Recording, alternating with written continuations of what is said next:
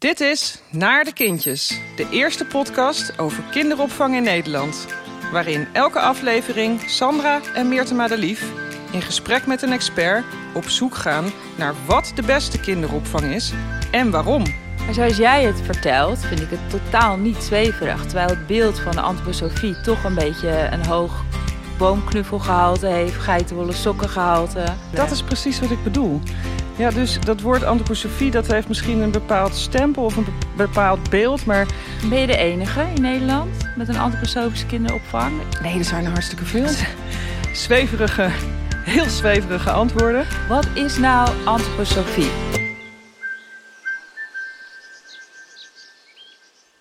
We zijn hier op landgoed Zonneheuvel in Doren. En uh, ja, dat komt omdat we hier binnenkort kantoor gaan houden op dit schitterende landgoed. En vandaag zijn we hier omdat we de eerste aflevering gaan maken van onze podcastserie Naar de Kindjes. En dat wordt een podcast over kinderopvang in Nederland en specifiek antroposofische kinderopvang in Nederland. Uh, ik ben hier al heel lang mee bezig, al twaalf jaar, maar daarover uh, later meer. En... Um, ja, normaal gaan we met uh, experts uh, in gesprek, maar vandaag uh, gaan wij het erover hebben, Sandra, met z'n tweeën. Misschien moeten we ons zelf eerst even voorstellen. Nou, zullen we elkaar voorstellen? Ga jij mij voorstellen en ik jou? Ja, dat vind ik een goed idee. Oké. Okay. nou, jij Meerte Madelief, ondernemer. Een dochter van vier jaar en veertien jaar geleden begonnen als ondernemer binnen de kinderopvang. Ik geloof dat je toen je eerste vestiging hebt geopend. En vanuit het gedachtegoed dat je uh, een hele fijne jeugd hebt gehad, met heel veel buiten. En dat je eigenlijk vanuit die visie wilde dat alle kinderen op deze manier uh, hun jeugd kunnen doorbrengen. En met kinderopvang jij daar een aandeel in wil hebben om dat ook verder te brengen. Klopt dat een beetje wat ik zeg? Ja, Sandra, dat klopt helemaal. Heb je goed gezegd. Uh, ja, ik ben eigenlijk ook wel uh, heel enthousiast over dat jij erbij bent gekomen uh, bij de Geheime Tuin, hè, want zo heet het kinderdagverblijf. Ik heb dat toch een hele lange tijd zo in mijn eentje gedaan. En natuurlijk niet in mijn eentje, want ik heb heel veel collega's. Maar op het niveau van bedrijfsvoering ben ik heel blij dat jij in maart zo de organisatie bent binnengekomen. En waarom? Uh, omdat jij toch een hele frisse, kritische blik op het geheel hebt. Waardoor ik ja, ook na ben gaan denken uh, waarom ik en we dit nou eigenlijk aan het doen zijn. En ik zie jou als een, ja, een vlotte, jonge, ondernemende vrouw van 42 met twee jonge kinderen en een leuke man. En ja, jij, jij brengt een stukje bedrijfsvoering die ik niet in huis heb. Dus ik een stukje visie, jij een stukje bedrijfsvoering. En ik denk dat wij uh, best uh, samen een goed team zijn. Uh, omdat jij de kritische vragen stelt. En ik denk dat dit ook de aanleiding is dat we ja, toch ook deze podcast zijn gaan doen. Om daar toch eens antwoord op te gaan krijgen. Ik denk vooral ook die kritische uh, noot die je bij mij treft, omdat ik niet bekend ben met de antroposofie. Dus in een volledig nieuwe wereld ben gestapt door bij jouw organisatie te gaan werken. En uh, superleuk dat we via deze podcast dus wat dieper ingaan op wat antroposofie nou is. Want daar ben ik zelf eigenlijk ook wel heel erg benieuwd naar. Ja, dus eigenlijk ja, de eerste vraag die volgens mij beantwoord zou moeten worden... wat is kinderopvang? Hoe is het eigenlijk georganiseerd hier in Nederland? Ja, dat is een goede vraag. Uh, er zijn natuurlijk verschillende vormen van uh, kinderopvang. Zo kan je denken aan dagopvang hè, voor kinderen van 0 tot 4. Tegenwoordig wordt er ook heel veel aandacht besteed aan specifiek babyopvang. Kindjes van 0 tot 1 of van 0 tot 2. We hebben buitenschoolse opvang, dus kinderen die vanuit school na schooltijd worden opgevangen.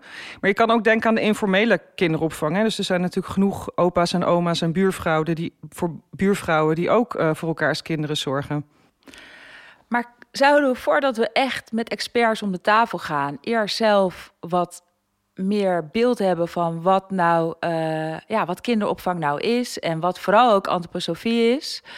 Um, als ik kijk wat mijn beeld van antroposofie is, dan uh, is dat vooral geitenvolle sokken en um, uh, tekenen met yoghurt. Als ik jou hoor, dan is dat toch heel anders. Dus ik denk dat het ook goed is dat we eerst samen even gaan kijken van nou, wat vinden we er nou van en wat is het nou precies? Ja, ik vind tekenen met yoghurt trouwens best wel leuk hoor. Maar dat heeft uh, niks met antroposofie te maken wat mij betreft. Ah, lekkere kliederboel in ieder geval. Ja, nee, het lijkt me goed. Uh, ja, om dat toch eerst eens een beetje uit te diepen met elkaar. Ehm, ja, wat, wat, wat, stel je voor? Waar, waar zou je willen beginnen? Nou, waarom heb je gekozen voor antroposofische kinderopvang? En waarom niet een. Um, waar is de keuze gekomen dat antroposofie en kinderopvang uh, bij elkaar zou kunnen ja, het is, um, het is een beetje samenraapsel van, uh, van gebeurtenissen eigenlijk. Hè? Dus als iemand aan mij vraagt, ben jij een antipersoon? Dan zeg ik, nou, dat ben ik niet. Uh, maar ik haal wel componenten uit die visie naar voren binnen het bedrijf wat ik heb. Uh, en dat komt doordat ik uh, zelf op een vrije school heb gezeten als kind. En daar allerlei positieve ervaringen op heb gedaan. Uh, op dat moment begreep ik natuurlijk helemaal niet wat er gebeurde en waren het allemaal ervaringen. Later ben ik daarover gaan lezen, opleidingen gevolgd. ben ik gaan begrijpen waarom ja, bepaalde dingen eigenlijk goed zijn of goed werkten bij mij. Hè? Laat, ik, laat ik het zo zeggen. Ben je de enige in Nederland met een antroposofische kinderopvang? Is het, ik heb er nog nooit eerder van gehoord. Nee, er zijn er hartstikke veel. Ik denk dat je het hebt over iets van uh, eh, 200 organisaties of zo in Echt? Nederland. Zoveel? Ja, en dan heb ik het over kinderdagverblijven, buitenschoolse opvang, gastouderopvang, maar ook peuterspeelgroepen bij vrije scholen. En die vrije scholen die schieten nu, nu allemaal als paddenstoelen de grond uit, omdat er toch ontzettend veel vraag is naar die vorm van onderwijs en dus ook kinderopvang. En waar komt die vraag vandaan dan, dat die er nu ineens zo extreem is? Mm, ja, ik zie dat ouders op een bewuste manier kiezen voor onze vorm van opvang. Dus op zoek gaan naar vragen. Wat is belangrijk voor mij in de opvoeding? Uh, ja, uh, en, niet alleen maar van ja, hoe, hoe dicht om de hoek is dit kinderdagverblijf nou en is het nou praktisch? Maar ook uh, ja, nadenken over waarom en wat wil ik mijn kind meegeven. En dan vinden ze daar op, ja, dan vinden ze daar antwoorden op binnen die vrije school. Ja? Want ik weet dat ik zelf ook wel. Uh, ik heb twee jonge jongens. Heb inderdaad gekozen voor een kinderopvang om de hoek.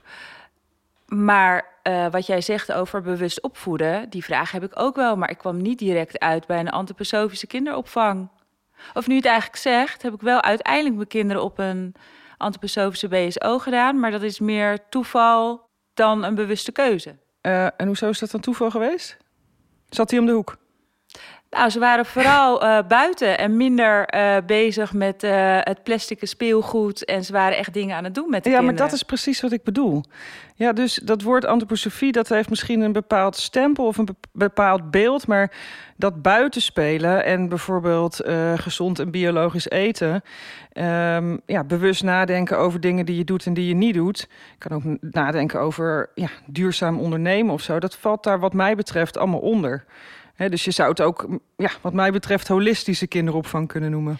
Ja, want als we dan even teruggaan voor mijn beeld, hè, om het echt goed te kunnen begrijpen. Wat is nou antroposofie? Ja, goede vraag. Um, voor mij persoonlijk kan ik daar een antwoord op geven. Maar op internet kan je dat natuurlijk gewoon opzoeken in Google. En dan krijg je een uh, heleboel uh, antwoorden. Zweverig beeld. zweverige, heel zweverige antwoorden. Die zou ik niet willen benoemen. Um, ja, kijk, het, als je het woord uit elkaar haalt, dan uh, bestaat het woord uit twee delen, namelijk anthropos en sophia. En anthropos is mens en sophia betekent wijsheid. Dus voor mij gaat het toch echt over bewust nadenken over dingen die je doet en die dingen die je, die je laat. Uh, en in dit geval uh, in relatie tot kinderopvang. Dus het heeft een, een bewuste levenshouding, bewuste opvoeding. Maar zou dat dan voor iemand die niet thuis is, de antroposofie, zoiets zijn als persoonlijk leiderschap? Het zou kunnen. Dus voor mij is dat dat ook, ja. Ja, bewust keuzes maken, bewust in het leven staan, is iets wat de antroposofie nastreeft. Ja, en ook wel met een uh, spirituele component. Dat klinkt misschien ook meteen weer heel zweverig, maar uh, ik noemde net dat woord holistisch al. Er wordt gekeken naar ja, meerdere lagen. Dus uh, als je bijvoorbeeld kijkt, de Triodos Bank die roept het ook. Die zegt uh, hoofd, hart en handen. Vanuit de antroposofie wordt gezegd drieledig mensbeeld. het denken, het voelen en het willen. Dus we denken met ons hoofd. we voelen, we hebben een bepaald gevoel, maar we voelen met ons hart. Hè? Je hebt ook een, een intuïtie, zeg maar. Uh, en vervolgens ga je iets doen in de wereld en dat noemen we het handelen. En dan kijk je toch iets breder uh, dan alleen naar bijvoorbeeld het fysieke lichaam. En dat is ook wel echt een kenmerk, dat je holistisch kijkt naar bepaalde situaties. Dat er ja, meer is tussen dit moment, misschien procesgericht en niet productgericht, zo zou ik het ook kunnen zeggen. Snap je het een beetje of uh, wordt het ja, te vaag? Zeg je daarmee dan dat holistisch een onderdeel is van de antroposofie? Nou, ik moet er heel diep over nadenken. probeer er uitleg aan te geven. Kijk, um, die antroposofie die is ontwikkeld door Rudolf Steiner. Dat is de grondlegger van deze antroposofie. En die heeft er 300 boeken over geschreven. Dus je kan er een uh, mensenleven mee vullen om dat te studeren. Maar hij, hij, hij heeft binnen het onderwijs uh, uh, de vrije school ontwikkeld. Hij heeft binnen de gezondheidszorg uh, ja, daar ook een, een visie op ontwikkeld. Um, de antroposofische geneeskunst. en binnen de landbouw. Dus dat is de biologisch, biologisch dynamische landbouw. Dus in, dat is, ja, die, die, die gebieden, die levensgebieden, zeg maar, die zijn wel breed. Het is, gaat niet alleen over onderwijs en kinderopvang. Maar zoals jij het vertelt, vind ik het totaal niet zweverig. Terwijl het beeld van de antroposofie toch een beetje een hoog knuffelboomgehalte, boomknuffelgehalte heeft, geitenwolle sokkengehalte. Waar komt dat beeld vandaan? Waarom heeft het zo'n stempel? Nou, ik denk dat dat komt omdat uh, Rudolf Steiner, wat natuurlijk ook al wel een stoffige naam is. Um, oh, ik dacht dat hij Duits was. Uh, nou ja, in ieder geval. 100 jaar geleden uh, met die, die eerste vrije school starten. Uh, en dat die denkbeelden ook 100 jaar oud zijn. En volgens mij zet de sleutel hem erin dat uh, je de vertaalslag moet maken naar de hedendaagse tijd. En dat is wat wij binnen het kinderdagverblijf doen. Maar ik kan me ook voorstellen dat er mensen zijn die erg blijven hangen in hoe het toen was. Ja, en dan krijg je toch dogma's waar je mee te maken hebt. En dat kom ik tegen in deze wereld. Dat er ook een heel dogmatische kant aan kan zitten. En ik denk dat daar vooral de vooroordelen vandaan komen. Die niet altijd uh, van toepassing zijn. Dus antroposofie anno nu. Precies. En wat is dan antroposofische kinderopvang?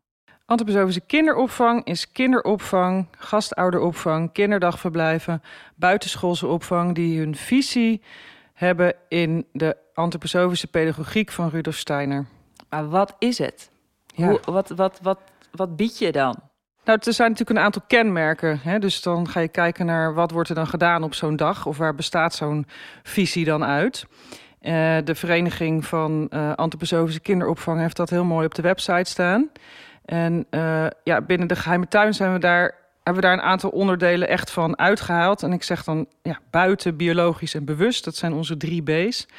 En op zich is dat niet specifiek antroposofisch, maar dat zijn wel kenmerken in die vorm uh, van kinderopvang die uh, ja, heel belangrijk zijn.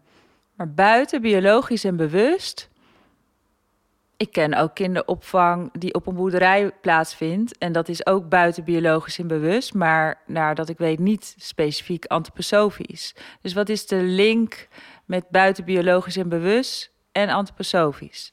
Nou, er wordt in de antroposofische kinderopvang uh, echt wel gekeken naar uh, wat willen we de kinderen meegeven. Hè? Dus je zei net al iets over uh, positieve ervaringen. Um, ja, dat is wat we de kinderen mee willen geven. En dat doen we doordat we ze veel buiten laten spelen, ze positieve ervaringen op laten doen.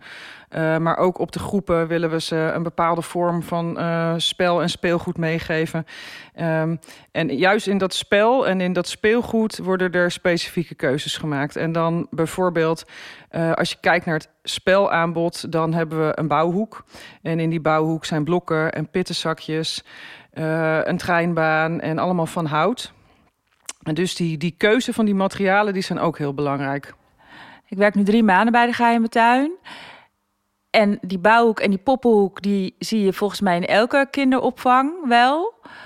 Maar wat ik echt wel anders ervaar dan wat ik gewend ben vanuit mijn eigen uh, moederschap, is dat er veel meer ook wordt gekeken naar wat heeft het kind nodig van mij als pedagogisch medewerker en daarop in te spelen. Dus meer vragen stuurt.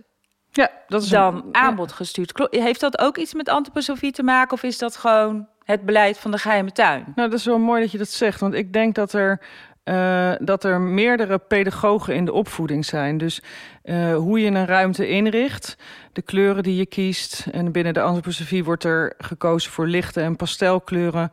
Uh, om niet zo heel veel prikkels te geven. Hè. We denken al van de, de, maatschappij zit al vol met prikkels. In een groep met heel veel kinderen wil je juist die prikkels een beetje re reduceren. Maar ook hoe zo'n ruimte is ingericht qua gezelligheid... Uh, qua verzorging van de ruimte. Dus die ruimte op zich is een pedagoog. En als je dat op een rijke manier inricht, dan, dan draagt dat bij aan de ontwikkeling. En nu, hè, wat jij net inbrengt, uh, is het ook de houding van de pedagogisch medewerker die bepaalt hoe een kind zich kan ontwikkelen. En als jij je kan openstellen naar een kind, hè, en dat is denk ik de allerbelangrijkste vraag die die je stelt als pedagoog, is wat vraagt dit kind van mij? Dus niet uh, wat moet ik uh, dit kind meegeven zodat het zich goed ontwikkelt, maar wat vraagt dit kind van mij en dan daarop inspelen. En dat is wel een andere manier van kijken naar kinderen. Ja, en volgens mij heel waardevol ook voor ouders in hun keuze van een kinderopvang kan me voorstellen dat elke ouder die wil dat er naar zijn kind wordt gekeken, dat zijn kind of haar kind wordt gehoord en gezien door uh, de pedagogisch medewerker. Ja. En dat het meer is dan ik breng mijn kind naar een opvang en daar wordt voor gezorgd. Ja.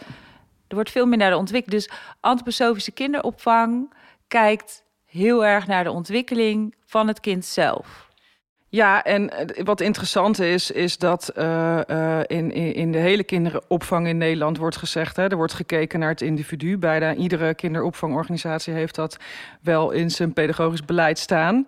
Um, maar wat is dan specifiek het verschil? Is dat je als pedagoog een andere basishouding hebt. He, dus dat je echt die vraag durft te stellen, zonder dat jij denkt: hé, hey, ik ben de volwassene en ik weet wel hoe het in elkaar zit. En dat vraagt uh, creativiteit. Want je hebt natuurlijk te maken met een groep kinderen waarin een dag gewoon van het begin tot het eind afgedraaid moet worden. Um, omdat iedereen uiteindelijk weer naar huis wil. Uh, maar binnen die dag moet er voldoende ruimte zijn om echt ook ieder individuele kind. Um, ja, zich op zijn of haar manier in zijn of haar eigen tempo te kunnen laten ontwikkelen. En dat betekent dat uh, bijvoorbeeld aan een tafelmoment het ene kind uh, rustig een boterhammetje zit te eten. Uh, en een oudste peuter mag helpen om de tafel te dekken. Ja, dus, dus in zo'n activiteit zijn er verschillende behoeftes van kinderen. Ah, klinkt wel heel mooi. Maar ik kan me ook voorstellen dat het in de praktijk bijna niet uit te voeren is. Dus hoe, wat zijn dan kenmerken die je gebruikt binnen als pedagogisch medewerker op zo'n dag. En waarom zou dat dan in de praktijk niet uit te voeren zijn volgens jou? Ik kan me voorstellen als je 12 tot 15 van die peuters hebt en je staat daar als leidster. Um, dat je vooral ook blij bent. Tenminste, als ik kijk hè, naar mijn twee kinderen en die heb ik een hele dag, dan ben ik vooral blij dat alles goed loopt.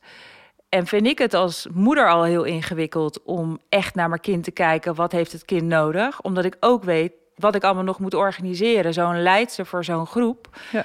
heeft 14 kinderen. Moet ja. ook heel veel organiseren op zo'n dag. Hoe zorg je nou dat die aandacht voor dat kind er is? Ja, en dan komt die visie en die pedagogiek weer om de hoek kijken. Want als jij echt die ruimte als pedagoog inzet... Uh, en zo'n uh, ruimte interessant inricht... zodat die kinderen tot spel komen... Um, dan geeft jou dat al ruimte. Hè? Dan hoef je niet 14 kinderen bezig te houden... maar dan gaan kinderen ook zelf spelen. Um, kinderen in een spel komen. Kan je daar, wat bedoel je daarmee? Ja, ik bedoel daarmee dat uh, wij als volwassenen denken soms dat het goed is om met kinderen mee te spelen. En vanuit de antroposofische visie wordt er gezegd: hè, je kan wel uh, met kinderen meespelen, maar uiteindelijk, zeker in een groep, als je veertien kinderen hebt met z'n tweeën, uh, dan is het fijn dat een kind uiteindelijk uh, zelf die treinbaan gaat bouwen en daar een, een kasteel bij bouwt. En als je kijkt naar peuters, dan hebben ze ongeveer een, een drie kwartier nodig om zo'n zo'n vrij spel zelf op te bouwen en weer af te breken. En dat geeft jou als pedagoog dan drie kwartier de ruimte, als dat lukt, om die, al die kinderen in dat spel te laten komen. Om ook echt te kijken naar ja, die individuele uh, verschillen, die specifieke kenmerken van de kinderen. He, uh, dus dat, dat, daar gebruik je dan echt die ruimte en dat speelgoed. En ook jouw dagritme. He, dus vanuit de antroposofie zeggen we van... we kijken heel erg naar de in- en de uitademing van de dag. Niet, we zijn alleen maar Hoe, dingen aan het doen. De, de in- en de uitademing? Ja, het is natuurlijk weer zo'n zo'n vakterm, dus goed dat je daarover vraagt. Uh, wat ik bedoel is dat ehm, we hebben ook rustmomenten nodig op een dag. Dat geldt voor ons als volwassenen, maar dat geldt ook voor kinderen. Die kan ik wel volgen, ja. Dus, dus kinderen hebben ook tijd nodig om uh, een activiteit uh, te verwerken.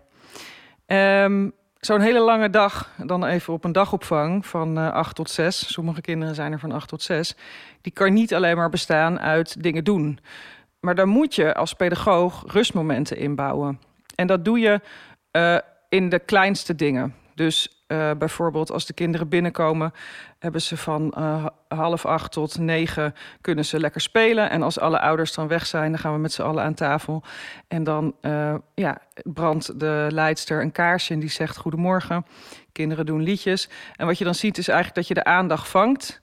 Hè, dat ze allemaal even hun aandacht ja, richten op dat moment. En vervolgens gaan ze naar, dat is een, een inademing, hè, dus een moment van concentratie. En vervolgens gaan we naar buiten uh, en dan kunnen de kinderen weer lekker rennen en spelen en vliegen. En dat is weer een uitademing. En zo, zo zit die hele dag opgebouwd. Maar dat en, klinkt wel heel erg waardevol. Als ik dan kijk naar de ontzettende prestatiemaatschappij waarin we leven, waarin we maar door, maar door, maar door, maar doorgaan. Ja. Dat wanneer een kind al op zo'n jonge leeftijd leert even rust te nemen, zich terug te trekken, te verwerken, om Ja. vervolgens weer bewust in de hectiek te stappen. Dat klinkt als iets waar je de rest van je leven wat aan gaat hebben. Ik denk ook dat dat zo is. Het is jong geleerd, oud gedaan. Hè? Eh, wij denken dat we altijd maar moeten presteren. Dat is hoe, hoe, hoe, hoe wat jij nu zegt, dat de maatschappij een beetje in elkaar zit. Ehm, maar ja, goed, er zijn nog nooit zoveel burn-outs geweest als op dit moment. Nee, ja. Eh, zeker ook onder hele jonge mensen. En eh, ja, eh, we moeten allemaal leren rust nemen. En als je dat. Ja, het is eigenlijk iets heel natuurlijks. Hè? Dieren die gaan slapen op het moment dat ze moe zijn. Maar wij mogen niet meer moe zijn. Ook onze kinderen mogen niet meer moe zijn. Die moeten van hot naar her en meedoen. En smiddags naar paardrijles en allerlei activiteiten. Uh, en ik denk dat we als uh, volwassenen die kwaliteit van rust echt heel erg onderschatten. Dus in die antroposofische kinderopvang is daar heel veel aandacht voor. Oké, maar zoals je in het begin zei, is dit dus hoe jij antroposofische kinderopvang ziet. Ik krijg er een beetje een gevoel bij. Maar als we echt willen kijken wat nou goed is voor onze kinderen, dan zouden we toch wat meer informatie. En heb ik ook wel behoefte om wat meer experts misschien uit te nodigen die ons helpen antwoorden te vinden hierop. Want er blijven wel bij mij heel veel vragen hangen. Ja, het is ook echt super complex. Want ook al ben ik hier 14 jaar mee bezig uh, in de kinderopvang en ja, daarvoor ook uh, eigenlijk al mijn hele leven in mijn opvoeding meegekregen. Ik heb ook nog heel veel vragen. En uh, ja, voordat we ja, landelijk willen ook met uh, wat wij uit te dragen hebben, moeten we denk ik echt op zoek naar antwoorden bij andere mensen. En ja, ik stel voor dat we gewoon met een aantal experts uh, in gesprek gaan om ja, die, die, die, die, die specifieke onderwerpen uh, ja, uit te diepen. En ik denk dan bijvoorbeeld aan ja, biologische voeding, warme maaltijden tussen de middag. nou, in gesprek met andere kinderopvangondernemers die ja, kiezen voor deze vorm van opvang. Hè, waarom zij dat nou zo belangrijk vinden. Uh, maar ook uh, ja, een stukje duurzaam ondernemen. Uh, en ja, ook hoe richten we onze organisatie nou eigenlijk in en waarom? Ja, en vooral ook blijven kijken naar het antwoord. Waarom zouden ouders nou hun kind naar een antroposofische opvang willen doen? Wat is een antroposofische opvang nou? Wat biedt het nou? Wat biedt het nou extra? En waarom zou je daarvoor willen kiezen? Ja, dat, dat, ik wil dat eigenlijk ook wel weten. Ik weet dat het werkt, maar ja, waarom? Ja, oké. Okay. Duidelijk, denk ik, voor nu. Aflevering 1 was dit. Wie gaan we uitnodigen voor aflevering 2? Nou, laten we dan beginnen bij een uh, andere kinderopvangondernemer. Uh, ik stel voor Wido Jongens van de Vlinderboom op school uit uh, Noord-Holland. Die kan daar vast meer over vertellen. Ik ben heel benieuwd. Ik vond het een leuke eerste podcast. Vond jij als luisteraar het ook een leuke podcast? Abonneer je dan. Heb je opmerkingen? Zet ze in de recensies. Heb je een vraag? Stuur vooral een bericht naar podcast@kinderopvang-degeheimetuin.nl. Tot de volgende aflevering.